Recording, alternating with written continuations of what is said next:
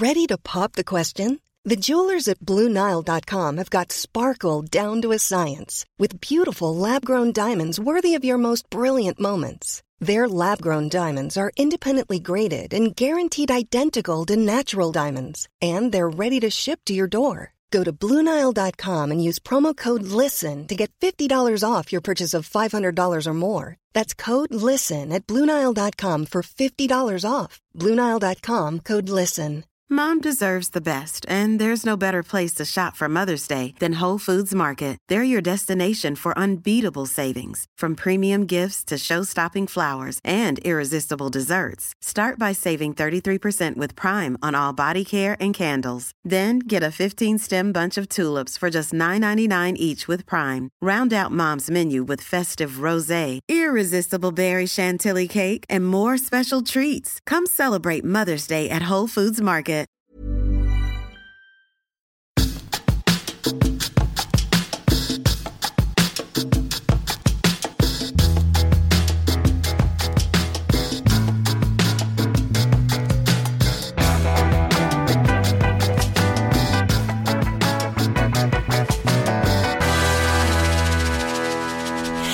Och välkomna till två supertaggade Matronas och Lille Lördag. Jag har ju faktiskt varit ganska sur på dig ska jag erkänna. Det verkar som att hela den här podden alltid börjar med att Anita är sur på mig. Men nu ska hon aldrig mer bli sur på mig. Nej, För att nu ska jag bli, bli Dr. Eller vad jag säga. Det ska jag inte bli. Varför dök det upp på mitt huvud? Jag ska bli eh, Prussiluskan ja. minus bitterheten. Minus bitterheten, precis. Mm. Nej Ann, jag är inte sur på dig. Du vet jag kan inte vara sur på dig. Men ibland så måste vi prata. Vi kanske nästan ska göra en intervention i den här podden. Ja det är roligt. Det är roligt. Ska vi bjuda in olika människor då? Ja, det kanske ska komma in olika människor och tycka ett annat än dig. Det var obehagligt, fruktansvärt. Det här är ditt liv. Men jag är så himla glad för att just den här, ja, vad ska man säga, synen på intervention som har varit i många år. Eh, som ska vara så här, här sitter vi alla som älskar dig. Om inte du ändrar på dig inom 20 minuter och följer med till den här doktorn nu eller liksom lägger in dig, då kommer vi försvinna för alltid. Lyssna på egentligen vilken sjuk idé en intervention är. Ja men det är så knasigt. Människor som ligger på botten, som är så trasiga, som är beroende av en drog eller något liknande, som har liksom ett beroende som de som de är så fast i så de sitter liksom i en tvångströja 24-7. De ska man liksom hota och så säga så här, om inte du skärper dig nu, ungefär som det vore så här, som att klippa sig och skaffa sig ett jobb, då försvinner alla vi älskar. Jag älskar Älskar. också hur du byter fokus hela tiden från det vi ska prata. Jo jag vet, men jag ville bara få det sagt att nu finns det liksom en mjukare inställning. Och vad är interventionsinställningen nu då? Ja men dels är det att man, eh, att man inte liksom, att man sätter inte hårt mot hårt. Att hela familjen ska blandas in på längre sikt, att man är med från början. Menar, man kan ju se att liksom, om man tar till exempel psykvården eller beroendevården så har ju alltid har läkarna varit lite så här, "Ah, ja men familjen får hållas utanför va, så fixar vi det här. Men det är ju så liksom, dumt tänkt. Det är ju som att ta, men ta jävla Hitler och Mengele liksom, eh, försöken där. Eller de försöken som har gjorts. Okej, hundra ungar får kramar och pussar och hundra ungar får inte det. Jaha, inom tre månader var alla de andra spädbarnen döda. Exakt. Ja. Men därför känner jag ibland när jag varit riktigt trött och varit lite nere och man kommer till flygplatser. Ja. Då vill jag så gärna att de ska muddra mig, att det ska pipa. Att det ska pipa? ja, så att de tar på mig. För bara den här lilla snabba liksom fem sekunders beröringen förändrar liksom hela ens kroppskänsla. Ja. Jag tänker Jag är så det. orörd. Tänkte du, kom du ihåg när det var den där debatten när det var sjuksköterskor som så här runkade av och låg med människor med, Med handikapp. gamla gubbar ja, och och gam- gamla ja. gubbar och sådär. Det är ju såklart en viss typ av prostitution. Men jag kan tycka att det finns ett liksom, patos i det där. Ja, på något sätt. Nu vill inte jag utföra det här patoset och kanske Nej, inte du men heller. jag kan tycka att det finns en ändå så här, om det nu funkar för båda. Mm. Vem är jag att döma? Men jag tänker på det gamla människor i det här landet. Som så här, kan gå i åratal utan att någon tar på dem. Jag tar ju väldigt mycket på folk. Och en, en del människor blir lite förskrämda och rädda av det. Men antingen är man ju fysiskt lagd eller så är man ju inte det. Jag, Ja. tycker det jag försöker också ta väldigt mycket folk. Mm. Och vissa kvinnor blir jättestressade Ja, utav det här. som att man ville ligga med dem. Ja men jag typ så jag tänker att jag så här raggar eller någonting bara för att jag så Mm. här, ger dig en kram eller håller dig på axeln eller vad det nu är. Men det var ganska intressant för jag, jag träffade en kvinna igår och hon hade separerat från pappan till barnet. Hon sa gud det är spännande det här. Det, först hade han, eh, han har ett annat barn som han inte har knutit an till och nu är det det här barnet som han inte har knutit an till. Så hon blev ju så super inne och fick dille på anknytningsteorin. Det där vad som gör att man knyter an och inte knyter an. Det är ju väldigt väldigt spännande. Ja men jag är också, jag är så dubbel till den här teorin eller vad jag ska säga. Jag tycker att den är lite laddad om jag ska vara ärlig. Mm. Eh, För att den används många gånger för att reglera kvinnor på ett ganska negativt sätt. Ja, Dels av andra kvinnor tycker jag. Ja men du har inte knutit an tillräckligt mycket med ditt barn. Nej men du behöver ju amma. Du behöver nog vara hemma ett år för du behöver knyta an till ditt barn. Det är så Mm. viktigt att barnet och mamman förs nära. Eller så det betyder det att så här, jag som pappa då kan gå och jobba och liksom tjäna pengar. Sen kan det också Må regleras. bra. Få ett själv egenvärde. Sen pratar man ju sällan om vad det här med anknytning faktiskt genererar. Vad är ett anknytningsproblem? Jo men det kan vara att du har svårt att skapa relationer. Eh, att du kan ha sömnproblem. Att du kan, vad heter det, vara dålig i sängen i princip. Nej, men, Jo men det är spännande tycker jag för att jag tycker ofta på utsidan så kan människor te sig väldigt varma och kärleksfulla och så pratar man med en tjejkompis till mig som sa men nu är det slut och jag måste säga som det var han sa inte på sex år en enda gång att han älskade mig. Och jag som är så här love junkie och måste få liksom bekräftelse och kärlek och jag, om inte Mattias skulle säga det på liksom en halv dag då skulle jag bara vi har en kris. Det är dåligt nu. ja. Jag sa det till honom igår, "Gud, jag måste avvänja mig. Tänk om det tar slut med oss någon gång så när barnen växer upp. Jag har ju typ aldrig sovit själv i hela mitt liv. Nej. Och när jag, de få gånger jag har varit singel då har jag ja, haft något annat i sängen. jag ska få ligga med en nallebjörn Ann, och öva. vi, hade ju ett snack här innan, saker vi inte får prata om i den här podden som vi har pratat om tidigare. okej. Det är din singelperiod. Ja men vi ska inte prata om den mer. Men jag tänker också så här, jag läste nu på båten eh, från Gotland, den här Mia Törnbloms, hur svårt kan det vara? Och, och det så här, man ställer sig, ja, men man gör ungefär samma misstag hela tiden tycker jag. Eh, och då kan man vara så här att man håller fast vid att man ska ändra sig hela tiden. Det här skrev inte Mia Törnblom, men jag, min liksom vindling i huvudet blev att, åh gud jag är så dålig på det, så då man skäms liksom tills man fan hamnar i graven. Eller också får man omfamna det. Och vara liksom så här, okej men varför det ska vara så jävla viktigt att man ska finna sig själv, vara själv, klara sig själv, ensam är stark. Och så tänker jag så här, men om jag nu, min, min fasta övertygelse är om att jag inte vill vara själv. Att jag skapar liksom, antingen har mycket vänner eller mycket barn eller hamstrar eller det. Vadå, är det då en sån jävla svaghet hos mig som människa? Kan jag inte bara omfamna det istället? Då får jag väl bo i kollektiv om det tar slut med Mattias. Förmodligen dålig anknytningen. Nej, men jag förstår Ja, vad jag, men jag menar. jag tycker menar. också att det finns vissa saker som både kvinnor och män bara ska, ska klara av. Man ska klara av att vara själv och man ska klara av och det och man ska klara av och sånt och hit och dit. Ja, men jag vill inte klara av det. Så här, deal with it. Eller? Har jag Jo fel? absolut. Nej jag tycker, du har, jag tycker du har rätt eller jag tycker du har en poäng i alla fall. Alltså alla är ju olika. Sen så tror jag att i ditt fall kan det ju liksom handla om att så här, skala ner lite istället för att skala Mm. upp. Du är ju så här, det är ju fantastiskt med dig men du får ju liksom väldigt lite cred skulle jag säga. Mm. Utav de som står dig närmast. Eh, och det tycker jag är lite så här sorgligt. Men det som är problemet är ju att när man börjar göra allting lite halvdant. Mm. För att hinna med För allt. att hinna med allt och vara alla till lags, då blir alla besvikna. Och det är jävligt o, alltså otacksamt. Och då handlar det om att man kanske måste ska- skala ner Mm. för att kunna göra få grejer bättre. Till och med bra. Jag ska se mig själv lite som en lök. Exakt, Jag måste in till kärnan. Ja. Skala ner. precis.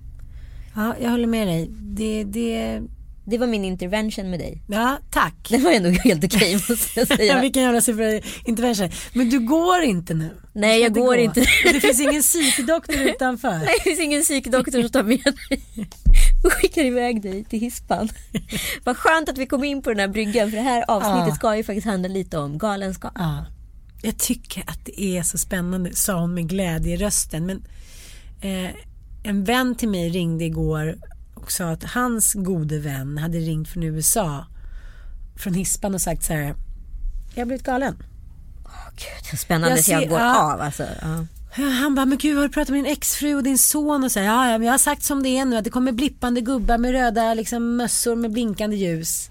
Och den här, eh, min vän då var så här, okej, han blev så stressad att liksom hans äldsta vän ringer och har gått bananas. Eh, men då har det förmodligen gått liksom sakta men säkert i någon dominoeffekt. Ja. Ja, men han har blivit rik och behöver inte jobba så mycket. Hans fru har lämnat honom. Eh, barnen är i Sverige med exfrun. Han har liksom kunnat sitta på kammaren och låtit så här, hästarna skena. Mm. Jag tror att det är så här, när man känner att man liksom har psykisk ohälsa då måste man vara i ett kontext. Ja. Man kan inte tro att man ska sitta liksom på kammaren själv och reda ut det här för då blir det Strindberg och då blir det liksom att man tror att alla förföljelsemanierna, man tror alla är ute efter en, lurar en. Har du känt det någon gång? Jag tycker det är så jäkla intressant också för att det är så många som pratar om eh, så här, eh, hoten och riskerna på nätet vissa vill ju inte ens publicera liksom en bild på sina barn på Facebook för någon äger bilderna. Mm. Någon äger mig, mm. någon äger rättigheterna. Och man säger, men vem fan, vad ska vi ha med en bild på dig och din unge med? Ja. Liksom, kom i fucking igen. Alltså vad är intresset? Ja men det kan finnas barnporrnätverk som säger ja mm. det kan de definition finnas men de kan mm. också välja alla andra barn. Mm. alltså, förstår du vad jag menar? Det är ju så en nål i en höstack. jag tycker det är så kul att du tar upp det för det finns ju någon tendens i samhället att alla tror att de hela tiden är liksom in the 15 minutes of fame. Ja, men, det är så här, förlåt men jag bryr mig inte. Jag har några liksom, kompisar som är så här, du får inte lägga ut det, då kan det bli så och så. så här. Men det är ingen som bryr sig om Vänta. den här bilden, hur det ser ut hemma hos er eller hur det är eller hit och dit. Det är så här, förlåt att jag liksom, don't shoot the messenger, men så här, vi har alla fullt upp med våra egna bilder och liksom, är verkligen kan man väl säga, det där är det dina barn och andras ungar. Jag bryr mig kanske inte så mycket om bilder på andras barn. Alltså Nej. förstår jag vad jag menar? Och Nej. pedofil här, ja men det är alltså. som att jag lägger ut på Bobban ibland och man kan säga skymta en liten dagmask. Ja, då får du ibland göra det och folk blir som galna. Mm. Jag kommer ihåg den där krönikan som Linda Skugge skrev i Expressen. Och så här, hon, liksom, hon skrama skrek om liksom, vi kändismammor som la ut våra bilder ja, på jag internet. Vet. Liksom. Hon så rabiat också. De mm. Men det är också så lite som min inställning är att så här, det är ju min, liksom, det är mina älsklingar. Jag lever ju med, som en Bobban. Jag är med honom 24-7 nästan. Ja. Nu har jag varit de senaste veckorna för att han har varit sjuk och varit på Gotland. Men det är väl klart att det kommer ut en bild på honom. Och mina andra barn var med på bild. De är liksom min stolthet. Och så här, jag vet inte var, varför jag ska få svälja det. Nej, men risksamhället. Mm. Jag tänkte på en grej. Jag var på Andys lekland. Mm. De är nyöppnade i Bromma. Om man inte har varit här på riktigt, åk dit för det är så jävla roligt. Det det? Alltså, ja, vi måste åka dit med våra ja. småttisar. Eh, nej, men jag lekte typ lika mycket som barnen. Eh, Jaha. Men det var intressant för det nästan skedde ett socialt experiment med mig själv. För att jag skulle hoppa hoppa eh, på en sån här luftmadrass som mm. var typ två meter ner. Mm. Det var, innan jag liksom började tänka i risker Mm. Eller fick riskerna upplästa för mig så var jag helt på väg alltså, ut i språnget redan mentalt. Det var inga problem. Sen fick jag höra om riskerna, hur jag skulle ha benen, eh, hur jag skulle tänka på. Helt plötsligt blev jag liksom rädd ja. för det här hoppet. Och jag tänker att det här riskbeteendet eller riskaktsamheten som hela tiden strömmar genom oss i informationsflödet den mm. är så farlig i sig. Vi, vi, så här, vi slutar ju leva. Hur mm. kan man ta sig igenom livet utan att dö? Alltså lite mm. det tänket. Mm. Eh, och jag är också så här, men alltså ärligt talat, förlåt det här kanske låter lite förmätet. Men är du okänd, ett. Och har du bilder på dina barn i ett slutet socialt medie, typ Facebook, där du bara bjudit in dina polare då är inte det speciellt mm. farligt. Nummer två, det är sjukt ointressant. Mm. Så skit i det. Ja. Word, Nafsed. Nafsed. Men jag pratade faktiskt med mina killar om det där. För det har ju kommit upp mycket så här, Lisa Holm. Mm. Eh, vi har pratat om skolmordet. Vi har pratat om så här. Typ, jag hör mig själv när jag pratar om det. Det låter liksom. Det låter verkligen så som Prussiluskan meets liksom SOS på typ 30-talet. Jag säger, ja pojkar om det kommer fram någon ful gubbe och bjuder på godis då säger ni väl nej? De är så här, ja mamma. Alltså, jag vet de är så pass medvetna. Jag tänker att bara liksom tio år tillbaka så kanske det hade varit, jag tror att det blir svårare och svårare för kanske inte för pedofiler, men sen finns det ju, de kanske går på yngre och yngre barn och tar den här dagispedofilen. Alltså hur fan ska man kunna liksom värja sig? Hur ska man kunna veta? Men också, man måste ju också säga förlåt, det här tillbaka till pedofildiskussionen. Det är också en eller två procent utav alla sexuella övergrepp sker utav liksom pedofil som inte är i hemmet. Mm. För i nio fall av tio så är det en mm. förälder, oftast mm. en manlig förälder. Men det pratas det väldigt tyst om. Det pratas det väldigt tyst om. Mm, mm. Eh, men Men jag måste gå tillbaka till lite till galenskapen. Jag skulle precis säga det. Jag är en kvinna som har väldigt höga förväntningar på livet. Ja. Och det är så här, det har jag bestämt mig för att ha. Jag är ateist. Mm. Jag tror inte att det kommer ske så mycket efteråt. Jag kanske är någon energi som är någon fluga på någon annan planet men det kommer jag inte veta. Är du verkligen ateist? Förlåt Ann. Det var det tramsigaste jag har hört. Alltså det är Okej, lika, kanske- alltså paté-ateist skulle jag säga. Okej, okej, jag kanske inte är helt ateist. Men spelar roll, jag är inte ateist. Det var en snabb förflyttning måste jag säga. Den kanske inte var så svår. Vända kappan efter vinden. Okej, jag- okej, jag är inte det då. Jag tror på någonting. Men jag har förhållningssättet till livet som att jag skulle vara en ateist. Som att varje dag skulle kunna vara den sista. Vilket den är. Ja. Och det har på något sätt förfinats genom åren. För att här, jag inser att om du kräver mycket av livet så blir livet jävligt mycket bättre. Men det som min mamma, gick mamma bort tidigt och det är så, så här, livets hårda skola. Så jag försöker få med mig Mattias på det här vilket är såklart lite svårare för att han har ju inte på något sätt fått de törnarna jag har fått. Eller Nej. kanske har tänkt ut sin livsfilosofi. och då är det så här att jag har väldigt höga förväntningar på liksom, ja faktiskt nästan varje dag i livet. Att jag vill att det ska vara den här känslan som man kan få när man träffar en god vän, när man så här, är nykär. Alltså jag vill säga det finns ju fem typ grundkänslor i mitt inre. Vad är det då? Ja, men tänk dig om det till exempel är om det finns fem grundsmaker så finns det i mitt inre. Alltså så här, nyförälskelse, eh, fördjupning av kärlek till barnen, framgång, alltså så här, utmana sig själv och våga åka skidor, förstår du, äventyret, också så här, resan. Och resan kan också vara målet eller resan kan vara liksom nära, men så jag vill, jag vill uppnå någon av de här mina fem smaker om du tänker dig. Absolut. Ja, jag tycker det är jag blev lite imponerad av mig själv. Ja verkligen, Ja, fick tack. det där. Jag kanske kan göra något av den här. Ja, jag kanske kan starta en sekt. Starta ett nytt projekt, det tycker jag verkligen ligger i tiden nu Ja. måste jag säga. Men det som händer är att jag då åker ner till Gotland. Ja. För att jag då vill kompensera mina barn för att de ska få en rolig, ett roligt höstlov. Hur kommer det här galenskapen in här? Då kommer Mattias har varit borta tio dagar och kommer då och jag är ganska slut efter att ha varit ensam med barnen tio dagar. Då kommer han och eh, ja men vi käkar köttfärs och spaghetti och liksom han är helt slut och han är så här, jag är helt slut. Och jag är så här, okej jag biter ihop, jag förstår det. Jag är också ganska slut. Mm. Fyra barn. Ja jag försöker säga lite så här, du har ändå varit på golfresa liksom. Han är slut. Ja fast man blir helt slut av det. Jo det blir man i och för sig fast där finns, där gör du kom eller få för där finns det en tyst hederskod. Att liksom, hur bakis, hur slut, hur man än liksom känner sig när man kommer och haft varit på liksom super golfresa så är man bara så här, kommer med en liten present, en flaska vin, lite blom, man är så här, kommer med energi. Ja, men alltså det förlåt, jag träffade på en så här tjejkompis som är ja, är hon, 19. Ja. Hon bara, alltså jag är så trött. Alltså jag var uppe så här, kört två dagar, så liksom fyra, typ bara sovit så här sex, sju timmar. Jag bara, buhu, buhu, fuck you. Alltså på riktigt. Nej, den funkar inte. För att du är ute och krökar dig självvald. Jag vet, Sluta! jag vet, du vet ju själv hur man är när man varit ute och så är det en stur och buhu. gå upp på morgonen man bara en Pippi Långstrump, jag bakar kakor typ. Man, man ska spela och sen får man falla ihop som ett vrak Ja, på det kvällen. är helt okej. Så är de tysta gyllene reglerna när Ja. man har fått barn. Så är det bara. Exakt. Outtalat, du bara Ja, gör det. Ja men då var affären stängd och vi tog några gamla rester hit och dit. Det var så här, ja, jag hade köpt lite vin i alla fall, han hade inte hunnit det. Och sen så ska han, och han liksom, han är ju trött och dricker liksom lite snabbt och sen somnar han med Bobo. Ja.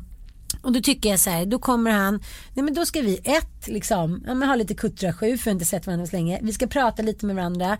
Det det slutar med att jag ligger och kollar på Blue Jasmine och får så här århundradets fårångest. Och bara så här, Maja, uh. Där kom galenskapen. Ja, där kom den in. Sen kan vi, vi kan fortsätta prata om det där, mina höga förväntningar som jag tycker att man kan ha. Men då tänkte jag så här. Blue Jasmine är ju en Woody Allen-film. En av hans absolut bästa Ah, senaste tiden. otroligt. Om det, jag tycker nästan, ja det är Ja verkligen men en av den hans och Matchpoint, bästa. herre Ja. jävla gud. Kate Blanchett fick ju en Oscar för den här rollen. Ja. Men alltså den, hon är ju så briljant. Man känner ju ut i fingerspetsarna liksom hennes ångest. Hon har då levt ett privilegierat liv. Eh, snubben är otrogen hela tiden. Hon vet väl det lite så här. Och sen till slut får hon svart på vitt och då ringer hon FBI samma sekund och eh, ja, eh, läm, vad heter det, lämnar ut honom. Och han hamnar i fängelse, begår självmord, hennes halvson, liksom, ja, men allting, hela hennes liv faller ju. Och då tänker jag så här, hon har ju på ett sätt själv satt, försatt sig i den situationen. Men hur lätt det är att gå från toppen till botten. Och eh, ja, som jag sa min kompis liksom vän då som så här, har allt på pappret. Och ändå så är det någonting som sker. Mm. Och nu håller jag ju på med Djävulsdansen 2 där vi, där vi, det som handlar om psykisk ohälsa. Och det är så jäkla komplext alltså. Ja. Men den är ju, su- alltså, det är ju supersvårt. Plus att så här, människan är ju kemi. Alltså vi är en cocktail utav allting. Och vissa liksom, vad ska man säga, har ju mer utav någonting i kroppen än någon annan. Det är svårt det här. Jag tycker det är väldigt svårt att labla och, och sådana saker. Men vissa människor ska man ju bara passa sig för. Och de förstår inte det. Nej men sådana människor som tar över ens liv sakta men säkert utan man har märkt något. Så bara, Jaha, är det du som typ har du sagt att du har skrivit den här boken nu? Alltså, förstår du? Kommer du ihåg det där paret som blev så här torterade av en man? Och hade så här suttit fastbundna. Liksom och, jag kommer inte ihåg om, om det slutade med att båda brändes inne i slutändan. Det började med att det började med en pokerskuld. Och sakta, sakta tog han kontrollen över deras liv. Och, och de började uträtta tjänst på tjänst på tjänst för honom. Och han misshandlade dem, alltså torterade, alltså systematiskt torterade dem varje dag. Förstår du hur lätt en galenskap kan uppstå? Jag gjorde en jävligt galen grej för några år sedan. Men Förlåt älskling, men din blick. Vadå? Du bara, put your right back to that eyes. Nej, de poppade ur skallen och du blev nu galen. Jag blev galen. Okej, förlåt. Vänta. Nej, men jag gjorde en jävligt galen grej för några år sedan och det som är sjukt med galenskap Boho. det är att man kanske inte vet att man är galen när man är galen förrän efteråt. Jag vet. Jag hade en jävligt stökig relation för flera år sedan och eh, när jag insåg att min snubbe, apropå otrohet och Blue Jasmine, eh, hade varit otrogen mot mig. Då insåg jag också att alla hans killkompisar hade också varit det. Vadå, de hade gjort det till liksom... De, de, Det var en de, grej. Alltså, Ja, de, så här, de drog ut- iväg och låg. Ja, de drog iväg och låg. Och eh, jag konfronterade då helt enkelt en tjej i det här gänget. Som du kände. Ja, så jag kände, jag var ju kompis med de respektive då. Och bara så här, vet du vad?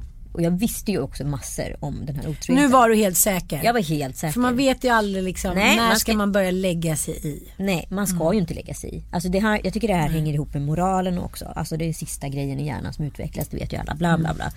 Men jag konfronterade henne och bara så här, vet du vad? Din snubbe är så jävla otrogen. Jag är så trött på den här skiten. Alltså jag tog min egen skit och adderade in henne i det här som att hon skulle ha ett intresse utav det här. Mm. Samma morgon hade hon fått reda på att hon var gravid. Efter du hade sagt det. Jag visste ju inte om att hon hade fått reda på att hon var gravid. Hon hade ju inte sagt till mig för att hon hade upptäckt det själv hemma. Men jag tog det här mötet med henne. eh, Typ vid 10-11 tiden. Inte för att jag bara, vi måste prata. Det går inte längre liksom. Hon eh, och jag har ju aldrig pratat efter den dagen. Har ni inte? Nej. Och vad valde hon då? Hon valde honom. Och barnet? Mm. Och jag insåg ju sen i efterhand att så här, jag var ju galen. Jag var ju galen, jag var ju galen utav ilska, jag var ju galen utav allting. Jag var ju galen utav hela den här klicken människor som bara liksom inte agerade rätt. Och varför? Bara för att jag hade sett liksom sanningens ljus tyckte jag. Så ha- tog jag mandatet att kliva in i hennes liv och liksom rubba hennes cirklar. Vilket är helt alltså, förkastligt att göra. Men du var ju inte dig själv. Det, det är det som händer med scenen med Kate Blanchett i Blue Jasmine. Att hon har ju vetat att han har varit otrogen hit och dit och försökt konfrontera honom så här, men älskling, liksom aldrig i livet, jag älskar dig, let's make love. Han har ju varit liksom en Casanova typ. Och sen den scenen när hon träffar sin väninna i överklassen och hon säger så här, I think he's been cheating on me, I need a drink. Och hon så här rapar upp Ja. Så många personer som Jag han har hon. legat med. Ja, du var hon. Men hur menar du då? Hur ska man kunna behålla sina sinnes fulla bruk efter en sån situation? När man tänker så här. Man kommer ihåg den där läkaren i Holland som har, det har också pratat om förut. Men överhuvudtaget när man hör sådana här scenarion när någon har under 20 år sagt att de är doktorer eller att de bla bla bla så har de inte varit det. De har bara åkt och så här, suttit i en bil i 24 timmar för att de inte vill tappa ansiktet. Eller människor som det visar sig så här min kompis farmor som hela tiden visste att, att pappan, eh, att, att farfan då även hade en annan familj som han så här pendlade lite mellan. Det här kom fram på dödsbädden. För det måste ju vara att ena parten hela tiden vet. För det går inte att köra dubbelspel så länge att ingen vet tror jag. Nej men jag tänker hela tiden på att det är så många såna här verklighetsscenarion utav The Shining sekvensen och hon går in där och ser vad han har skrivit. eh, Jack's been a dull Mm. boy, Jack's wanna play. Eller vad det nu står på den här pappret.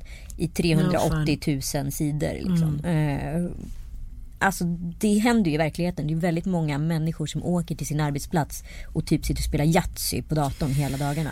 Men jag måste säga, det där är så, man pratar om olika paradoxer, filosofi liksom. Vad är rätt och vad är fel? Det är den där, ja men du vet, allt från så här fångarnas paradox. Vad ska man välja om man så här får välja på att, eh, ja om man får sex månaders fängelse man anger en andra, om man får två års fängelse om man inte anger någon. Alltså det finns ju massa sådana där, jag menar. Ja, ja visst. Ja, eller den där klassiska eh, grekiska gamla, eh, där, man kan gå ner i två vatten samtidigt eller haren och sköldpaddan och allt Ja, sånt ja, där. absolut. Men jag tycker så här, man kan ju hålla på, det var ju några killar på Chalmers de höll på med, de skrev ungefär 200 sidor om det, liksom fann tesen 1 plus 1 är 2, är den korrekt? Mm.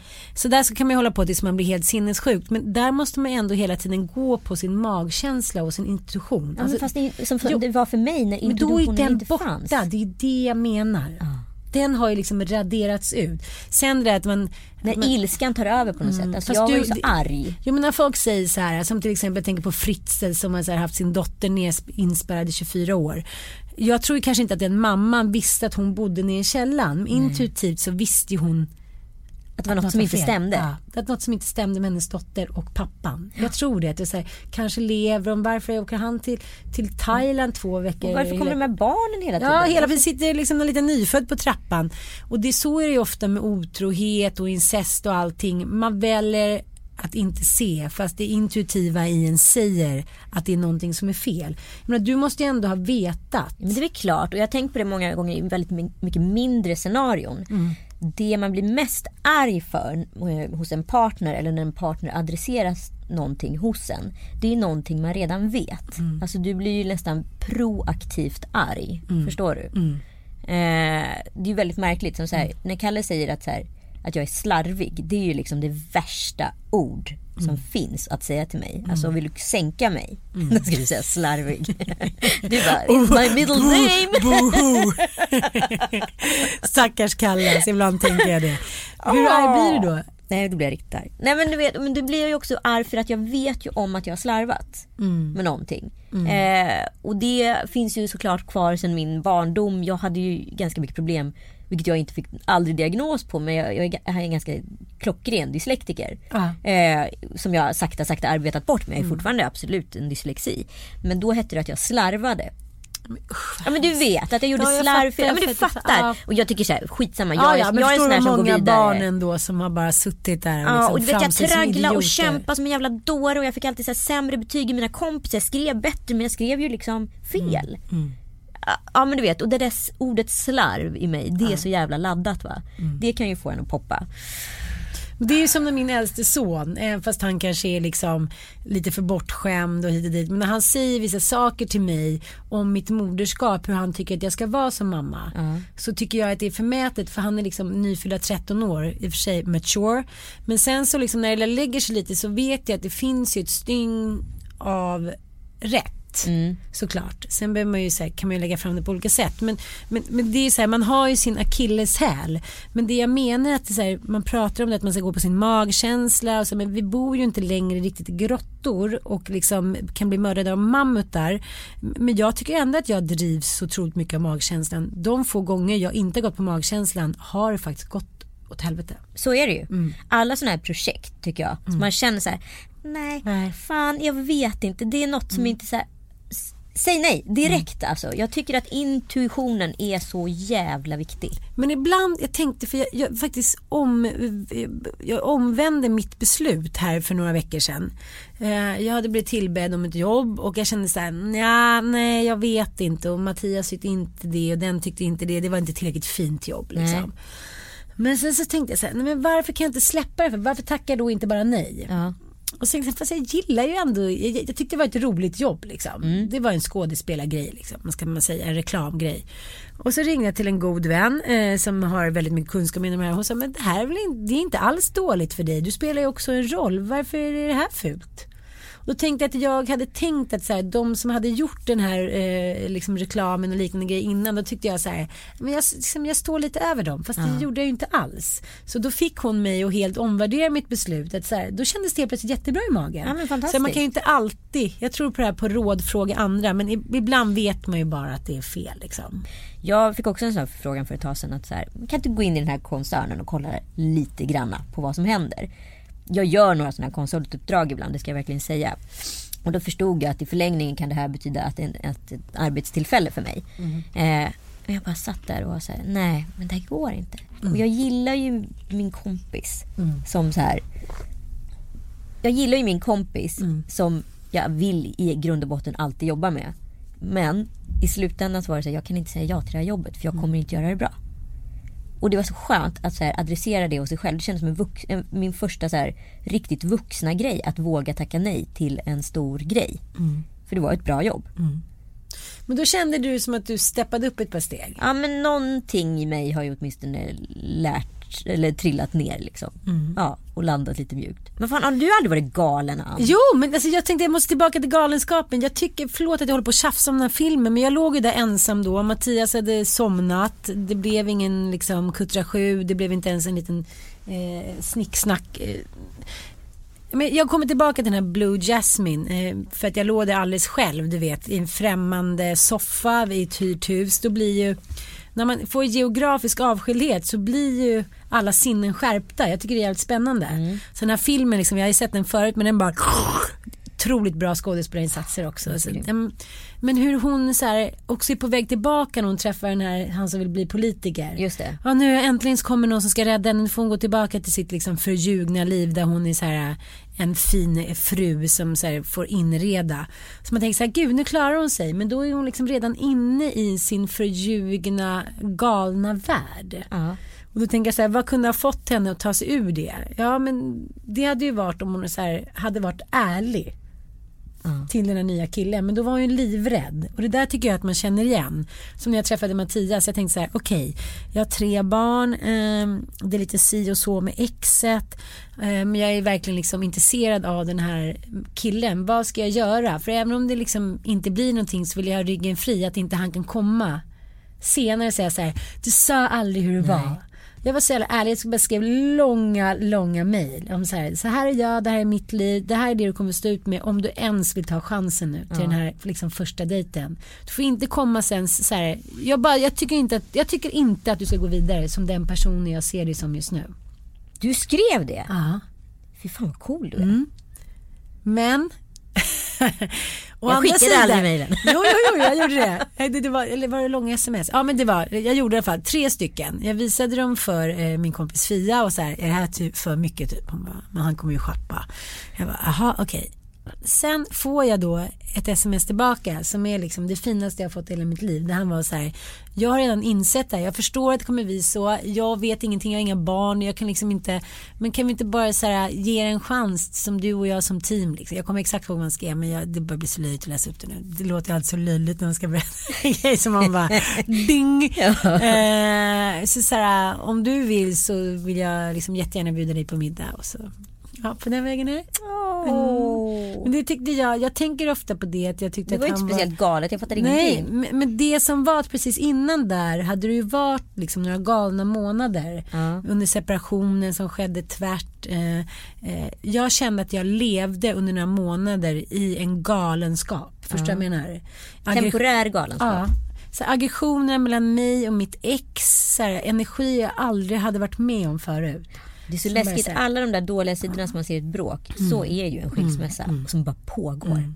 Och han hade bestämt sig för att stänga av helt och jag som är en sån här kletperson som bara vill säga ner med tuggummit och så här, dra tillbaka lite känslor, pilla lite på känslorna. Han var så här helt avstängd. Och efter 13 år av känslomässig liksom berg och dalbana så var det liksom det var som att någon skar av alla mina kroppsdelar när han vägrade att ens ge mig en blick efter vi hade bestämt att vi skulle separera. Och så var det länge. Liksom, Jag kunde inte ta det här. Jag, liksom, jag kunde inte känslomässigt se på att han inte liksom bemödade mig ens med så här, inte ens en blick av hat. Liksom, utan ingenting. Jag var ingenting. Han har bestämt sig att jag var ingenting. Och då kände jag att jag blev men liksom lite halvt galen. Och då gör man ju sådana saker som man gör då man säger fast, nu när jag tänker på det så var det ändå så här, jag kände mig lite galen men jag gjorde ändå allting efter formulär 1A. Jag gick i terapi, jag började träna, jag startade en, en Ja, men träningsblogg. sluta bara vara så jävla duktig nu. Ja, men jag, liksom, sen, och varje gång jag kände att jag höll på att bli lite galen, ja, men då, så här, då gav jag mig ut och sprang.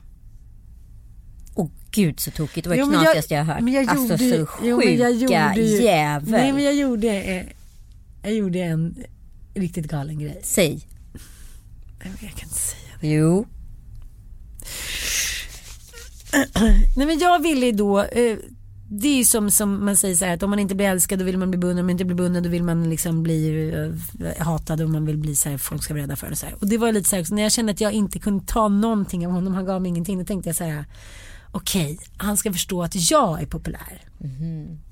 Så du sa att jag, men jag kan inte, nu framstår jag som så galen om jag säger det här. Nej men säg. Okej, jag eh, träffade ju lite killar men väldigt få killar de första månaderna. För att jag, så här, jag känner att jag kan inte gå in i någonting som har liksom med sex eller kärlek. Jag måste bara så här, sitta i min bubbla och så här, låta lite galenskap sippra ut men ändå så här, hålla liksom ansiktet flytande, huvudet flytande. Sen när jag väl kom över den här första då gick det ju ganska bra. Men då ringde jag till honom och frågade om han kunde ta barn en dag tidigare för att jag hade träffat en kille som hade gjort mig med barn. Den är nog beprövad. Jo men om han hör det här nu, nu såg jag en myra på bordet, jag vet inte om det var ett tecken för ännu mer galenskap. Nej, men jag tycker att, jag kände att när jag gjorde det att det var så galet. Och ändå så kände jag så här, om man inte ska bemöda mig med en känsla så ska han inse så här, jag har gått vidare. Mm. Så galet. Och nu när jag pratar om det så blir jag så här, Sen kan, vi, ja, men sen kan man göra galna saker av kärlek. Du vet, resa över hela jorden eller skriva så här, de vackraste liksom, dikterna. Jag känner så här, tänk om man kunde på något sätt så här, fånga den där känslan som man har de där första månaderna av, av nyförälskelse och liksom kapsla in den och så här, pysa fram den. Då skulle man ju för fan få Nobelpriset eh, i litteratur, fysik, ja, dans, vad som helst. För det händer ju någonting när alla sinnen är, det är därför folk tar droger. Eh, man blir ju liksom, man blir allt, man blir en sån virtuos på allas liksom, förstår du vad jag Jag menar? förstår precis. Ja, men de sms man skickar i början när man är kär. De kan ju liksom gå till vilken kärleks... Eh, legendariska kärleksbrev då. Ja, ja men absolut. Mm. Men eh, jag tänkte på en grej. Eh, Okej, men nu har vi ändå varit ganska så här, nu, nu sitter vi så här fina. Bara, Gud vi var så knasiga. Och så har vi gjort världens så här töntigaste grejer, förlåt. Men- Jag tyckte inte att det där var töntigt. Nej det är inte töntigt men du förstår vad jag menar. Ja, men jag nu har vi pratat om extrema galenskapen, Ja. att de som har hamnat på hispan och liksom att Ja. vi har varit liksom temporärgalna. Och jag har gjort en till grej. Okej. När jag hade bott i USA och eh, haft oskyddad sex med några killar så trodde jag, så fick jag blåmärken på armen och trodde jag det, att jag hade fått hiv. Och sen så, du vet precis när Ja. allting var med hiv, att man trodde att fick man hiv så dog man inom två månader med stora bölder, typ Philadelphia Hiven. hiven det. Då var man ju för fan livrädd. Då, var ju, då tänkte man så här, men torkar aldrig tårar utan handskar. Så rädd var man ju. Man tänkte att man skulle bli så här Ja men alltså spet, älsk, jag menar, bort från samhället, så här, förnedrad, dö, got ensam. it. Mm, okej. En egen Lämma, podcast. lämma till ja, ja, men inga vänner. Och då så låg jag en hel natt Ja. och bara blev galen. Och sen så på morgonen så, så, så gick jag in på min kompis toalett och så bara klippte jag av en liten bit av håret. Och bara okej, eftersom jag ändå ska dö så behöver jag inte längre vara vacker. Så jag tänkt på det efter, sen åkte jag till min mamma hon bara ja, ja typ, jag har bokat en tid hos frisören, nu går vi till det här hivstället och det var ju såklart ingenting liksom. Fick jag reda på sen, eller jag har fortfarande inte hämtat ut de där svaren men, men Du lever uppenbarligen och inte fått någon Men så kan jag tänka också så här. Någon gång skulle man så här försöka ripsa sig lite med så här, eh, tandklipp och så här. Att jag också kanske ville vara lite galen. Det var de här 20 something att alla andra hade gjort så galna grejer. Så tänkte jag så här, nu är jag också en galen grej. Förstår du? Ja. Att en del är också skådespeleri av all galenskap. Liksom. Ja, jag- jag kan inte göra det för jag är galen. Alltså, Men jag höll på liksom, även fast jag inte ens hade, jag hade något så här psykiskt, alltså jag mådde inte superdåligt men jag mådde lite dåligt i tonåren under puberteten. Mm. Och då var jag helt tokig i liksom Bram Stokers Dracula och var liksom helt inne på liksom hela blodgrejen som jag tror många var liksom på 90-talet. många var. Nej men många, men du fattar. Ja men i alla fall så var det ju i Strömstad där jag växte upp. Vi var liksom ett gäng som tyckte att blod var ballt. Ja, men jag fattar. Jo, men cirkeln. Ja men, ja men typ cirkeln och så helt plötsligt så Ja men så börjar man liksom skära sig lite i armarna, förstår du? Mhm. Liksom bara för att så här, få lite blod. Och det var ju inte för att så här, snitta sig i armarna och må lite dåligt utan det var ju snarare blodeffekten man ville åt. Ja, du det ville blev ju- måla upp en bild av dig själv som säger du levde den här kulten. Ja exakt. Jag behövde blod. Men det, Det är galet, alltså, det är så knasigt så att det är, så här, det är helt bananas. vad gjorde du med blodet då? Nej men det fick man, Det fick ju lite ont och så fick så suga lite på armen och sen var det över. Vadå? Du bara satt i så här cap och bara... du bara bit mig, du åkte upp till Norrland och lät så här myggor bita dig. Alltså jag ska bara berätta att så här, understryka att i Strömstad var, är det, finns det liksom en jättestark så här, satanistkultur. Och Gör alla de här, du vet dissection, alla de här hårdrocksbanden. Alltså svartrockarbanden där det var liksom offeraltare och grejer. Det är liksom från så här, Strömstad, Tanum och allting. Eh, det, så det vi gjorde det var ju liksom en fluga på väggen jämförelsevis med vad fanns många andra som höll på med som drack liksom tömde grisar på blod och liksom. Mm. Ja. Så det var ju ganska oskyldigt. Vi tyckte ju att det var helt normalt jag och mina tjejkompisar liksom. Anita köpt en sån här minigris. Ja, det är så här omvärldsperspektiv- omvärldsperspektiven kommer in och man bara ja. Men det finns ju de som går runt med den här, det säger nu har vi pratat om liksom relativt lätt galenskap Ja, ja. och eh, ganska grov galenskap som är liksom på psykhemmen. Men det kan gå jäkligt snabbt. Det är Ja. det som är det läskiga. Det är det jag har haft flera vänner som i stort sett på en vecka har Ja, faktiskt förlorat och då har det ju ofta varit så då kanske de har haft någon diagnos har det visat sig, de har varit bipolära eller något liknande. Men gud vad det är läskigt. Mm. det är människor... så läskigt och det är så här, jag har jobbat med lite sådana människor eh, genom tiderna liksom, och det tar ju ett tag innan man fattar vad det är som sker. Den här förflyttningen. Också hur den här personen, vilket jag tycker att jag snuddade vid när jag berättade för min kompis där eh, om hennes, vad heter det, otrogne snubbe. Eh, att man ser sig själv som någon typ utav Fanbärare. fanbärare eller sanningssägare eller så här, om, alltså ser sig själv viktigare än en person som står närmre en. Förstår du vad jag menar? Att man är liksom, att egot eller vad man nu ska kalla det för blir förstorat. Så att så här, om inte jag levererar den här informationen till henne då kommer hennes liv gå i spillror. Fast det är ju precis tvärtom. Man kan inte kliva in i familjen, man kan inte kliva in i liksom på olika sätt Men jag och tycker ta det så- makten. men jag för det är ju galenskap. Ja, fast jag tycker att det där är så himla svårt. Eh, nu har jag inte Det liksom... beror ju på hur grovt Jo jag vet men jag, men jag har ju inte riktigt varit med om eh, den här otrohetsförloppet liksom på det här sättet. Att det är den ena som har blivit förnedrad. Det i så fall har det varit jämnt. Att det har gått ut för man liksom försökt vara otrogen för att avsluta någonting. Ja. Men de vänner som jag har, tyvärr då ofta kvinnliga, för att vi ska så här, bre på lite könsmaktsordningen och roller, är ju kvinnor som liksom det händer ju någonting när man inte blir bekräftad känslomässigt. Då tycker man ju att man inte är värd någonting. Man är inte värd ett bra jobb, man tycker inte man är värd jobbet, liksom barnens kärlek, mannens kärlek. För att man, här, man har förstått så länge att om jag nu skulle bli älskad och respekterad, hur kan då någon göra så här mot mig? Och då blir man ju ofta så besatt av objektet som inte vill se en. Det har jag varit med om. Att man vill så här, man, så här slåss med näbbar och klor. Man bara så här, man typ vill ta en liten gris och så här, ja, men du vet, dricka upp blodet, så här, bli satanist bara för att man ska få känna. Man vill, liksom, vill att den andra ska så här, se en och känna en. Och det där blir ju också så här, om det är någon någorlunda så här, smart eller halv elak typ så blir det också ett maktspel. Jag kan förstå att det är ganska skönt att bara så här, "Men jag har sån makt över den här personen. Det- Annars skulle ju inte folk vilja ha makt, alltså så är det ju. Nej. Eh, och sen säger liksom att de är kvar i sina relationer och så här, någon så här sakteliga acceptans att liksom det är så han är. Eller det är Ja. så hen är. Men det är ju Det den är liksom maktgenen också. Men jag tycker Alltså det är så hemskt. Ja. Som min kompis som jag berättade om som har varit tillsammans med samma kille, han har varit liksom otrogen i så här 18 år. Och nu har liksom han till slut då lämnat henne. Ja, såklart. Men hur tror du hennes liv är nu? Hon är ju, här, hon är ju ingen. Men plus att den här magkänslan då som hon gått Mm. omkring och haft hela tiden. Hon har fått den reda, reda på att det har liksom varit fel. Mm. Eh, den är ju så förvirrad just nu. Eh, för att hon har ju uppenbarligen haft rätt men hon har ju fått reda på att hon har haft fel. Och då blir det ju väldigt speciellt. Alltså det tar ju ett tag att landa efter en sån grej. Mm. Ja och nu ska hon helt plötsligt bygga upp sitt liv då medan han är ju så här rålycklig med någon ny härlig snärta liksom. Ja. Det är typ det värsta ödet jag kan tänka mig. Nu måste vi lämna det här. Vi måste Ja, gå okej. vidare i Ja, programmet. ja. Och jag bara känner att vi ska fortsätta prata galenskap. Ja, ja. Men vi ska prata en annan typ av galenskap. Jag vet väldigt många människor just nu som eh, har fått liksom sparken. Eller vad man ska säga. Alltså, det kan ju inte, behöver ju inte betyda att man gjort ett dåligt jobb. Det kan ju bara betyda att liksom, man inte kommer överens om men låt säga att eh, det har förändrats förutsättningar på jobbet och eh, man får helt enkelt gå från den position man har för man kommer inte överens med den nya ledaren i gruppen.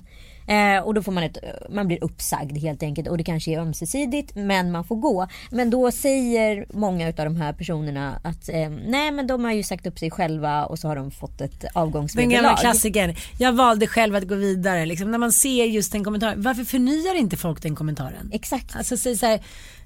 Nej, fan det funkade inte samarbetet så att, eh, ja, jag fick själv välja att gå. Ja. Om någon säger så, då ser man ju så här, oh wow, respekt. Ja. Men när det där är så här, ah, jag valde att gå vidare, man bara, men du har ju precis fått det där superjobbet, varför skulle du nu helt plötsligt gå vidare? Exakt.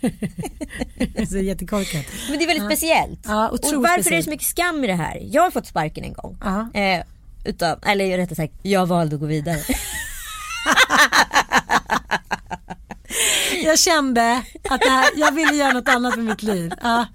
Nej men jag var skitdålig vad ska jag säga. Jag var asdålig på det jag blev, fick. Alltså det är ju återigen att sätta på sig en lite för stor kostym för fort. Mm. Och sen inte leverera och sen så blir man så chockad över att man inte har levererat. Och så Hur snabbt gick det? Nej men det gick inte alls så snabbt. Det, det, grundligen så handlar det om att jag och min chef som jag jobbade med, vi, jag ersatte liksom en ganska så här ruttad projektlädare som hade tyvärr fått cancer. Liksom. Eh, så att jag klev in och var ju var jag 24, 25 år. Eh, och klev in och skulle få en senior projektledarroll. Eh, och jag levererar ju inte ut efter det. För jag hade, fått kom, jag hade gjort en jättebra rekrytering. Alltså jag hade gått igenom massa tester och grejer. Och allt hade varit topscore liksom. Men det jobbet jag hade sökt hade jag inte riktigt fått. Så jag och min chef, vi klickade liksom aldrig riktigt. Nej. Och det handlar ju om personkemi. Det är ju så. Alltså det är så det som händer också när man kanske, om det är omstruktureringar i, i branschen eller på jobbet. Att man ja, får gå på grund av personkemi. Det är ju faktiskt en ganska vanlig grej. Ungefär lika vanligt som att en relation tar slut på grund av att inte personkemin funkar. Exakt. Hur som helst så vill jag vara lite så här, du vet, ung tjej som så här, tar för mig och minsann så här, är lite förekommen och försöker vara lite liksom livsvan och erfaren på ett sätt som jag inte riktigt hade täckning för. Så jag ringer min chef. Jag tycker i och för sig inte att jag gjorde fel, måste jag vara ärlig. Men jag ringer min chef en Du ville fredag gå vidare. och säger så här, vet du vad, det känns som att vi måste prata. Jag tycker det är bättre att förekomma än att bli förekommen. Mm, det tycker jag med. Eh, det känns inte som saker och ting är rätt mellan oss. Eh, och det måste det vara ifall det här jobbet ska funka. Eh, för det är så pass intensivt. Vi pratar liksom 10 till 12 timmars arbetsdagar varje dag. Liksom. Han bara, jag hör vad du säger. Vi ska åka på konferens nästa vecka. Vi kan ta snacket eh, däromkring. Jag bara, absolut. Det låter bra. Två timmar innan vi ska åka iväg på en tre dagars konferens så tar han in mig i mötesrummet. Han bara, jag hörde vad du sa. Jag känner samma sak. Jag bara, gud vad bra. Alltså vad vuxen han är. Gud, vi har en helt ny dialog. Här är ditt uppsägningsavtal. Eh, jag ger dig tre månader. Du, kan, du får gå. Men inte förrän vi har åkt på konferens. Och du får inte säga till någon på konferensen att du har fått sparken. Nej. Så jag blir liksom medtvingad på en konferens till en ö. Där jag liksom sitter i så här workshops med människor som ska jobba och känna, jag ska känna ett brinn och liksom vara med och driva upp någonting som jag inte är en del av. Och jag får inte säga till någon att jag har fått sparken. Jag ville ju så här, jag gick in på toa och grät typ 18 gånger per dag. Folk tyckte att det var konstigt att jag alltid var så röd i ögonen men jag bara skyllde på allergi och allt möjligt liksom. Men jag var ju skeppsbruten, jag kom För tre inte därifrån. månadslöner så utpressade han dig. Så jävla vidrigt. Det är ju tre månadslöner, fan det var hela ditt liv då. Ja. Vilket jävla aphuvud. Vem var det? Säg hans namn. Nej, Revenge. säger jag inte. Jag har, fått, jag, jag fått min hämnd på honom kan jag säga. Har du det? Ja. Hur då? Jag gjorde en intervention med honom. Jag sa faktiskt, jag sa till några år senare, jag bara, du vet vad det där sättet du gjorde det på var det värsta jag varit med om. Och då ville han ta en lunch med mig och sen så redde vi ut det helt enkelt. Och nu är ni gifta. Och nu är vi gifta med varandra. Superhärligt, mysigt. Det var kul. det Ja, men, men det som jag säger, det är så här, där kan jag ändå älska amerikaner. När jag bodde i USA så hade man lite olika killar. De var så här, well I got fired today, who cares? Typ så här. Jag menar inte att man behöver den inställningen, men så här, okej, okay, man borstar av sig. Mm. Man försöker att inte ta allt för personligt, precis som du säger. Ibland måste man ju ta det personligt Ja. om man inte har levererat för att man inte funkade. Men jag Då levererar får-. Ja, jag tänker så här. För att om det hela tiden skulle gå som en smooth operator, nej men då skulle man ju aldrig bli bättre på någonting. Så är det ju bara. Kan inte du berätta om den här gången du eh, gjorde ett gig när du var föreläsare? Ja, den var ju, är ju rolig nu, men den var ju det värsta jag har varit med om i hela mitt liv då. Nej men gud, det var inte alls det värsta jag har varit med om i mitt liv. Men faktiskt, topp fem. Jag tycker den är fruktansvärd. Jag eh, hade kommit så här upcoming, gjort Söderlund och Bie, ett program om mitt ex och mig och våra barn som blev så här sensationellt oväntad, en jättesuccé med så här en miljon tittare om så här, mig och mitt liv. Och helt plötsligt så var jag liksom jag men, omnämnd som så här, ja, men, det stora hoppet inom svensk tv typ. Och eh, kunde välja och vraka bland alla kanaler och välja och vraka bland alla anbud. Men jag var ju inte där Nej. Återigen för stor kostym alldeles för stor kostym men också lite sådär nu kan jag ju ta på mig en för stor kostym och ändå liksom rädda det. Men det kunde jag ju inte då. Nej. Det här är ändå så nio år sedan. Lotta. Och då så frågar, ringer de och frågar från en så här bla bla entertainment om jag vill föreläsa tillsammans med eh, Sofia Wistam skulle vara föreläsare, liksom hon skulle vara konferencier och sen var det liksom de riktiga högdjuren. Det var så här Tommy Körberg drog några låtar och berättade om sitt liv. Det var Johan Rheborg. Det var han som, eh, han som, eh, jag glömmer alltid bort vad han heter. Han som har blivit brandmannen. Jaha, Lasse, Hasse Brontén. Nej, nej, förlåt. Ja, Polis. Förlåt Hasse Lasse Brontén. Glenn, Ja. Brandsta City Släckers. Just det. Hur som helst. Ja men det var liksom, det var verkligen, det var Anna Mannheimer, det var han också, han som har varit FN-soldat. Ja. Men det var så här, Ja, men det är så här- the best of the best. Sådana som pratar- cashar en 60 hunka varje föreläsning. Ja, och vi pratar liksom, eh, alltså nu pratar vi sommarpratarna. Ja, ja absolut.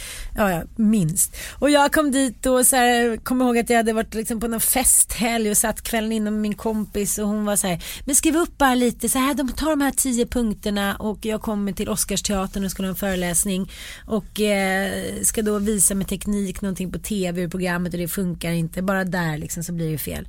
Eh, jag är så dålig men de säger, ja men vi försöker ge dig lite råd och så kör vi på nytt i Göteborg imorgon och då var det inför postens 360 anställda.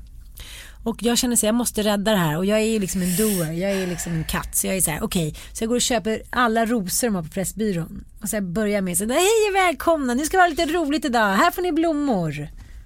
Ingen rörde på munnen. Du vet de här tanterna, förlåt uttrycket, och gubbarna som inte hade haft något roligt senaste 13 åren på sitt jobb. Nu var det payback time från liksom postens generalsekreterare. Nu skulle det vara en dag full av liksom skritt, skratt och intryck och kreativitet som de skulle leva på närmaste 13 åren. Och jag kommer där, men jag har ju liksom ingenting att säga, jag har inte i mig, jag har aldrig föreläst, jag vet inte så vad ska jag berätta, jag har gjort ett tv-program på SVT, jag är Pippi Långstrump mamma, hepp! Alltså, jag går av scenen Åh, och jag bara åker till Göteborg, det är därför jag aldrig gillar, gillat Göteborg. Ja, Går det är till traumat Ja, Göteborg. och jag sitter på Göteborg central och jag är så här jag har gjort bort mig så hårt inför alla människor jag beundrar också. Hon ringer mig och jag är så här, jag sitter på Göteborg central, jag ber om ursäkt liksom. Hon bara, ah, ja, jag behöver inte säga det men du är avskedad typ. Jag bara, nej du behöver inte säga det. Åker hem och så känner jag så här, nej men det här är så förnedrande. Så fortfarande varje år så, så här, när jag träffar Tommy Körberg så säger han så här, vill du gå på någon föreställning, vill du ha hjälp med någonting? Han tyckte, alla tyckte så synd om mig. Och det här var ju ändå mina kollegor, förstår jag menar? Sofia Wistam, vi har ju aldrig pratat om det efteråt. Det var så här, locket lös på. Men här har ju jag tagit på mig för kostym, alltså alldeles för stor kostym. Det är oproffsigt av mig men jag hade inte den professionaliteten. Nej men det har man ju inte. Det är det jag menar att jag så här, lekte vuxen. Mm. Alltså livserfarenhet får man på grund av att man blir gammal. Det är ingenting man kan köpa eller köpa en crash course i. Liksom. Men då bestämde jag mig för att jag istället för att stoppa ut i sanden så skulle jag bli jävligt bra på att föreläsa. Ja. Och det har ju tagit 8-9 år men nu är jag väldigt bra Ja, på att föreläsa men det, det, det, där tror jag man måste vända. Att det, är så här, det är inte skamfullt. Vi gör alla misstag. Om jag skulle tacka ja till tio sådana liksom turnéer till, ja men då får man bli lite så här, ja ja skärp till dig. Eh, men det som hände var ju att de som kom dit hade betalat för det här och liksom trodde att så, så, skalan på entertainers var liksom tio och så var det en som var ett. Då sätter jag ju dem i dålig dager, det gör jag. Ja, du drar ner snittet för alla. Absolut, fast jag visste att jag aldrig skulle kunna leverera men jag blev övertalad för att jag blev smickrad. Och, det, och så bara höjde de prislappen hit och dit. Så att, sammanfattningsvis den här podden så kan vi väl säga så här, okej Anita och jag är inga grottmänniskor men vi kan ändå så här, om, vi nu, om jag får tipsa, får jag ge ett tips Ja, så att du blir sur? Ja, Varför får jag inte tipsa för? Ja, men jag har bara sagt att vi inte ska vara så moraliska. Men är du och jag nu helt plötsligt moraliska? Vi är så Nej. amoraliska. Jag vet. Men jag är så trött på så här, checklistor på så här, da da da. Ja förlåt. Okej. Kör din checklista. Våga vinna. Förstår du vad jag menar? Nej. Men så, här, så många gånger som folk säger så här, men du är så modig. Nej men jag är inte modig, men vad är alternativet? Sitta liksom med Ärkeljunga, det får man ju för sig göra. Då liksom så här- Är det grannkommunen till Men Örkelljunga? för den ångesten som man får när man inte så lever sina drömmar och de kan vara så små som helst. Jag menar inte att det behöver vara så här att du måste starta Apple. Men den ångesten, den tror jag kan leda till galenskap. Ja. Mm. Och vi vill inte, vi vill vara sunt galna, är det inte så? Men en liten gnutta galenskap Mm. är alltid bra. Absolut, men jag känner så här med allt det här med att man har misslyckats med jobbet, att man har varit galen en period. Alla kommer vi hamna i någon depression och lite galenskap någonstans. Så kan vi inte bara vara lite, så här, lite mer all American high life och så här, okej det hände. Det är en, nu är en erfarenhet rikare, jag berättar om det som en liksom rolig historia om några år. Just nu kanske det känns så här helt vedervärdigt och så här, låt det göra det. Men sen är det så här, ta fan till vad som helst för att komma upp ur det där hålet. Ja. Åk på spa. Gud, det var ex, extrem, extremt tips. Nej men jag bara känner mig så präktig. Men så här, ta till vad som helst och eh, tro inte att andra människor är inne i din hjärna och att de ska förstå hur dåligt du mår. Nej. Och så här, flaunt it. Och, så här tror jag. Du vet när någon har ältat sin snubbe eller sitt jobb eller i tre år man är så här, jag orkar inte träffa den här människan för att jag orkar inte höra. Men initialt om man så här flåntigt och berättar hur det är, då får man ju hjälp vidare. Även fast du skulle sitta nu i ett år och säga så här, jag är så trött på Kalle för det och det. Då skulle jag säga så här, vet du Anita, I love you och I love Kalle men nu orkar inte jag höra ett ord till Nej. om hur han tjatar på det att du är slarvig. Jag gillar honom, säg inte att han är dum i huvudet. Här är numret till Mia Törnblom. Tack. Förstår du vad jag menar? Om man vågar ändå vara liksom lite svag, då är man ju inte svag enligt alla. Och då är man ju inte på botten av den där jävla avskredshögen som man ändå känner sig som ibland. Och vilket folk vill att man ska vara ibland. Men också att prata om saker Ja, för- är ju också krishantering. Ja. Alltså för varje gång, förr var det ju så här att man gick, prästen kom hem när gubben Mm. hade dött och så fick gumman prata med prästen och sen så gick Mm. hon vidare och så pratade de alla i byn så kom alla hem och så sa de hej då till gubben så pratade de med gumman. Mm. För varje person gumman berättade det här för Mm. om hur dödsfallet hade gått till. Lite lättare blev det. Mm, såklart. Och så är det ju med krishantering. Varje gång du säger någonting lite lättare blir det. Ja, och då Och till sist blir det en historia. Ja. Som du kan så här, skjuta ifrån dig, lyfta bort från och, som ett och paket. omfamna. Och omfamna. Mm. Men det är ju lättare att lyfta upp någonting från sig än att ha det i, det, i sig. Ja, för det ligger där och till slut så- så har man späck i Vad halsen. fan är det här? har vi gett liksom massa råd. Ja, men då kan vi kalla den för Anna och Anitas Forrest Gump-metod. You never know what you're gonna get in the box of chocolate. Fel citerat, men okej. Vi älskar det. Alltså det här blir en sån jäkla mastodontpodd. Men vi liksom känner att vi har lite dåligt samvete för det som skedde förra veckan. Så att Ja. vi, vi, vi levererar dubbelt upp den här gången istället. Mm.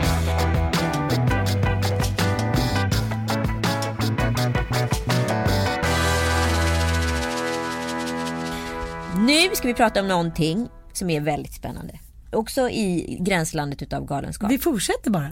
Vi fortsätter Ja, bara. det var inget avslut. Nej. Hej och välkomna till Lille Lördag nummer två.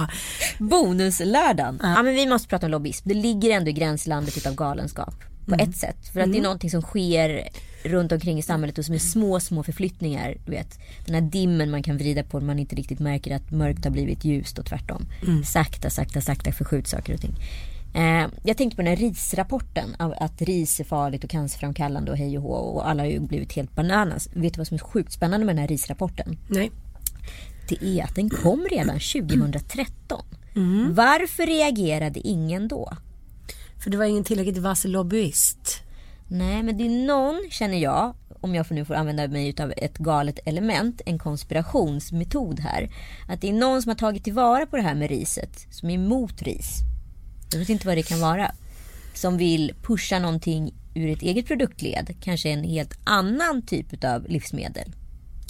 Som skulle vara vad då? Det vet man inte. Nej, men jag tänker på... Potatis. Jag jobbade på en PR-byrå som också jobbar med en del lobbyism en gång i tiden. Eh, och där fanns det ju någonting. Det var en av de stora kunderna, en mjölkproducent.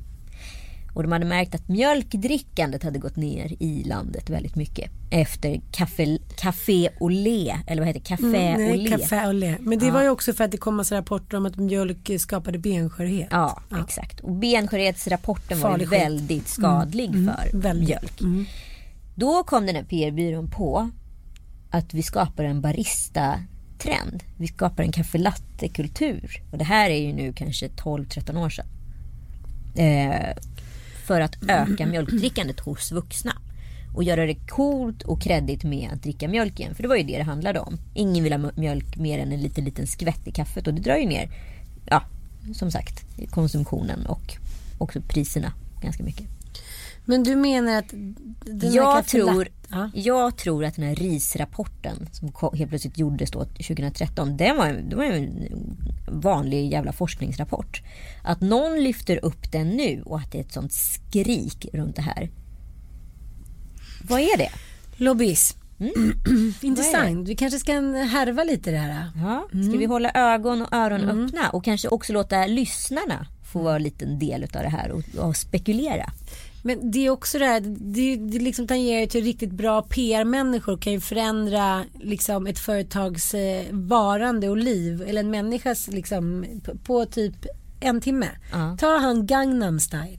Ja, Alltså ärligt talat. Vilken, vilken, vad är det för historia? Han är typ, han bodde i Sydkorea. ja. Eller var det Nordkorea? Nej, Syd- Syd. Sydkorea. Och spela in liksom den här låten lite med en liten hemmainspelad video. Och så får någon typ på Warner, ja, nys om den här och tar honom då till USA. Och nu har den så här, vad var det, så här 400 miljoner nedklickningar. Alltså det var helt sjukt. Nej, Alltså är miljarder. Typ miljarder. Ja. Alltså han är Och den är på mång, Youtube mång- som ja. Mm. har över miljarden. Och, och några gånger om tror jag till och med. Mm. Ja, men det vet man ju också att alla barn sitter och kollar på allting. Har du tänkt på de jävla sjuka eh, människorna som öppnar Kinderägg? Och pratar och monterar ihop. Ja, och det är någon ja. tysk som sitter och pratar. Alltså Penny kan ju sitta och titta på de där klippen 18 gånger på rad. Det är inte konstigt att de får mycket views. Mm. Nej. Alltså de är hur stora som helst. Att vara en YouTube-stjärna det är väldigt speciellt. Det måste jag säga. Ja, men jag tycker inte, nu är inte jag det själv, men så jäkla svårt kan det väl inte vara? Nej det är bara att du köper lite Kinderägg och öppnar och pratar liksom bryter på tyska tror jag. Nej, det ska ju, nej, det ska ju dubbas. Det är det som är hela idén. Eller hon den där Ajax som är så här, aj för Wiedersehen och så hoppar hon som ett ex. Liksom. Ja, just det. Den kan jag också bli helt förhäxad av. Det ska antingen vara riktigt bra eller riktigt dåligt. Ja så är det. Mm. Nej, men jag tänker också på det här som har kommit nu att, man, att forskarna har så här, man vet inte hur mycket cancer eller hur farligt det är men man får cancer av kött. Och nu är mina barn så kan jag, mamma kan jag verkligen äta köttfärs och spagetti tacos idag igen? Man är så här okej. Men det är det man inte vet eller tar som med strålning eller tar liksom med alkohol i den maten vi äter. Så här Stefan Jarls film om allt det vi får i oss. Ja. Eller, alltså så här, man vet ju inte. Vi kanske kommer bli eh, dö imorgon på grund av alla kemikalier eller Vi utsätter oss för massa sjuka grejer. Det ser man ju liksom om man kan se tydliga rapporter från efterkrigstiden när eh, Allers kokbok hade sju sorters wienerbrödsrecept. Alltså den här sockerindustrin. Och dra liksom exakta egentligen paralleller till cancer. Alltså vitt mjöl, socker, cancer, rapporter, Alzheimer. Alltså allt det här började stegra efter andra världskriget. Och det ligger väldigt fint i linje med att sockerindustrin eh, blommade. Så vad vi än sätter i oss är ju ganska farligt. Vi måste ju tänka på vad vi äter. Och nu är ju helt plötsligt antioxidanter farligt. Är det också en lobbyism eller vad är det? Jag vet inte, du och jag kanske måste flytta typ till landet och odla våra egna grödor. Ja, men Är vad det är det i jorden? Alltså Det det vet, vet, ja, jag vet, vet jag vi vet. inte. It's a fucked up world. It's a fucked up world. Ja. Ja, apropå fucked up world. Kulturell appropriering lyssnade jag på Magnus och Peppes podcast och jag skrattade så mycket. Dels för att de började på riktigt äktenskapsbråka i den här podden om det här. För det är ett ganska svårt ämne. Vet du vad en kulturell appropriering är? Jag vet ju det lite grann kanske. Mm. det är väl när man snor liksom eh, andra kulturella, vad ska man säga, totems.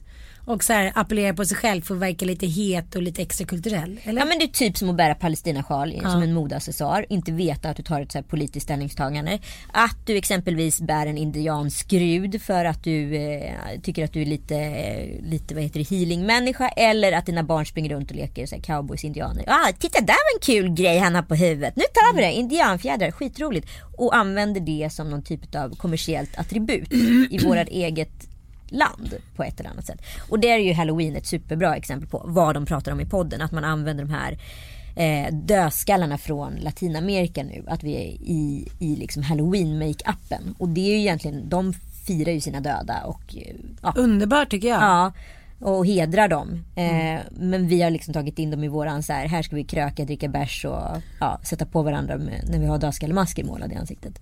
Det är inte lika charmigt. Jo, men, nej men och det är Du ju vet så jag vad svårt du gjorde det i här. helgen. Ja men det är ju så svårt det här. Man vet ju inte var gränsen går. Vad är okej och vad är inte, vad är okej och vad är inte okej? Jo men jag tänker faktiskt på det när jag kollar på Partaj. Att de hela tiden, jag tycker att det är jätteroligt när det är så här finska män är riktiga män. Men de framstår som så här IQ-befriade, typ så här påsättare som gick i Koskenkorva till frukost. Och det kanske finns några liksom finnar som gör och badar bastu. Men det finns säkert några amerikaner som gör och några liksom indianer som gör. Det är ganska lätt det där som pratade med en, en tjej som kom från Kina och hon bara, men vet du, jag är så trött på att man säger kines om mig. Liksom, vadå, jag är väl också så, jag är till och med adopterad, jag kommer liksom, jag bor inte ens. Kines-Karin Ja, måste man säga för ja, att man precis. inte kunde säga att så här, nej men du vet hon med långt hår. Ja. Eller hon med Ja, svart men du vet hon kines-Karin eller liksom, man ska vara lite noggrann med det där. Mm. För att det tror jag, det om något, att inte, att inte bete sig så kommer förändra liksom attityden som våra barn har. Men jag tänker på den här rockabilly-kulturen som är nu och väl nu, gud vad jag lät som jag är så här, ja här är Greta 85 som har adresserat någonting. Det var Kristina Skolin, Ja, mm, visst. Ja. Nej men äh, just rockabillykulturen som är sprunget ur en, en, amerikansk så här, sydstatskultur som sen i förlängningen blev raggare. Och nu är, har vi liksom plockat det chickaste från raggarkulturen, typ James Dean-posten. Eh, och så har vi liksom byggt upp en eh, låtsassfär utav det här. Vad är det? Det är ju en kulturell appropriering mot raggare.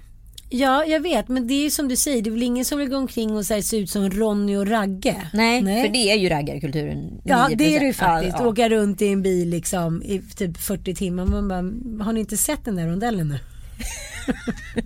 Nu är ju du taskig mot raggarna. Jo men jag var faktiskt med om det för, för några veckor sedan. Jag var i en sån liten stad och tänkte så här, men är det ens möjligt? Ja, men jag vet. Ja, strunt i det. De får göra vad de vill. Vi gör andra saker som de tycker är idiotiska. Men, men det är så här, jag tycker att det finns någonting. Men raggarkulturen snodde ju å andra sidan sin grej från USA. Förstår du? Var slutar det? Eller en, ut- ska, vi se, ska vi omfamna det och se det som en utveckling utav kulturer istället? Men jag tycker att också det, det är lite olika. Jag tycker att raggarkulturen är lite mer oförarglig. Men jag tänker jag träffade eh, Angelica Taikon nu på Gotland. Och, och, och hennes, då är det hela Taikons Ja. Katarina Taikon. Och som har, de, har liksom, de har faktiskt fått leva som djur. Och det, vilket innebär att de då inte har sagt att de, liksom, att de är romer, att de är romska. Det är fortfarande så här, ja där kommer en, en, en kvinna med en kjol där, en rom, hon kommer ju sno det där. Alltså det var så otroligt dömande, otroligt förutfattade meningar från tiden som har varit. Så där tycker jag, jag tror att man känner också, om vi går på det här med intuition, man känner vad man kan låna och vad man, det är ju inte direkt så många som liksom lånar de romska kjolarna för att vara heta. Nej. Som palestinasjalen eller jag gick ju omkring ett tag med så här Che Guevara t-shirt. Just det. Hallå! Hallå, jag heter Jag är politisk. Jag är politisk. Jag gör ett politiskt ställe. Men det är också ett väldigt enkelt sätt och det är så här, för enkelt sätt att göra ett politiskt ställningstagande. Om du skulle fråga liksom 99 av 100 som gick omkring med den här Palestinasjalen så här, ah, hur började Palestina, Palestina och Israel konflikten så skulle ju så här, ingen kunna Nej. svara. Det är komplicerad skit och det är allting sånt här när man lånar från andra kulturer och tar på sig liksom det som man tycker är lite kitsch från andra kulturer. Det Men man, ja. är det lobbyism från Palestina? Ja men vad då? Du menar att så här Arafat typ Ja, Ja, kanske. Det kanske är Arafat som sa så här till typ show me mahir. Att Men liksom, jag menar den vurmen som var Mm, på 70-talet i Sverige. Förlåt min opålästhet här. Men visst var det ju så att ja, Palme var superpro-palestinier och sen Mm. så startade den här kulturen och, och kulten liksom Mm. och vi helt, helt plötsligt var Sverige mot Israel. Men det måste ju, det är sprunget ur någonting. Det blev ju en trend i trenden. Men det är också sprunget ur minoriteten att det alltid är häftigt. Saker som har med politik att göra och saker som har med liksom minoriteter att göra.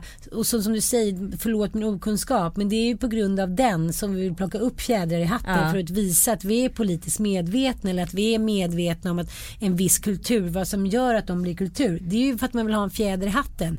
Det är En fjäder i en- skruden. Ja, en fjäder, ja, men det är ungefär som man liksom Ja, men man, när man gjorde som när man var yngre och man skulle recensera en bok. Ja, men då läste man ju så snabbläste boken eller baksidan så bara hittade man på någonting för att man, ja, man var, liksom ville visa att man hade koll. Ja.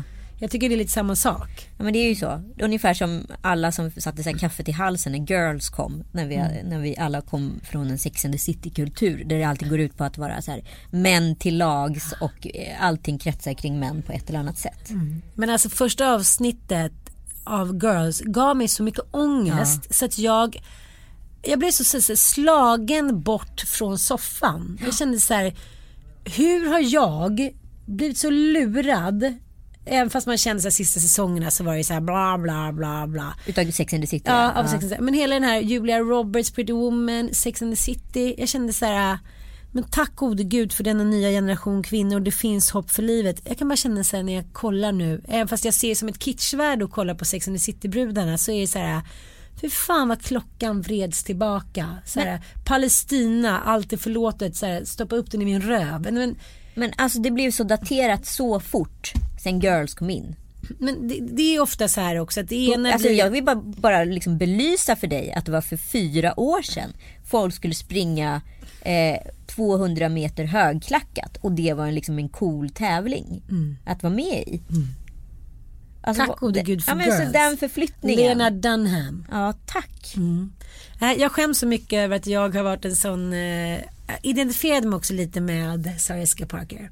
Ja. Journalist, lite såhär självständig. Men sen så dök ju den här Mr Big upp och drog till Paris och där var det igen att män får bete sig hur de vill för de är rädda. Och då får de bli förlåtna och så har man sina tjejkompisar som man ska luta tillbaka sig på och så får man så skaffa en ny kille som får göra en lycklig. Och jag är livrädd. Jag tänker på det varje dag så här. Ha kvar ditt eget liv, ha kvar din egen ekonomi. När du känner att du har kidnappad hjärna, så här, du är inne på din snubbe. Gå ut och gör någonting, så här, träffa dina kompisar, liksom aktivera dig politiskt. Gör någonting så här. Stå kvar på din egen plattform. Man får älska för mycket men då måste man liksom älska sig själv lika mycket. Jag älskar dig. Jag älskar dig.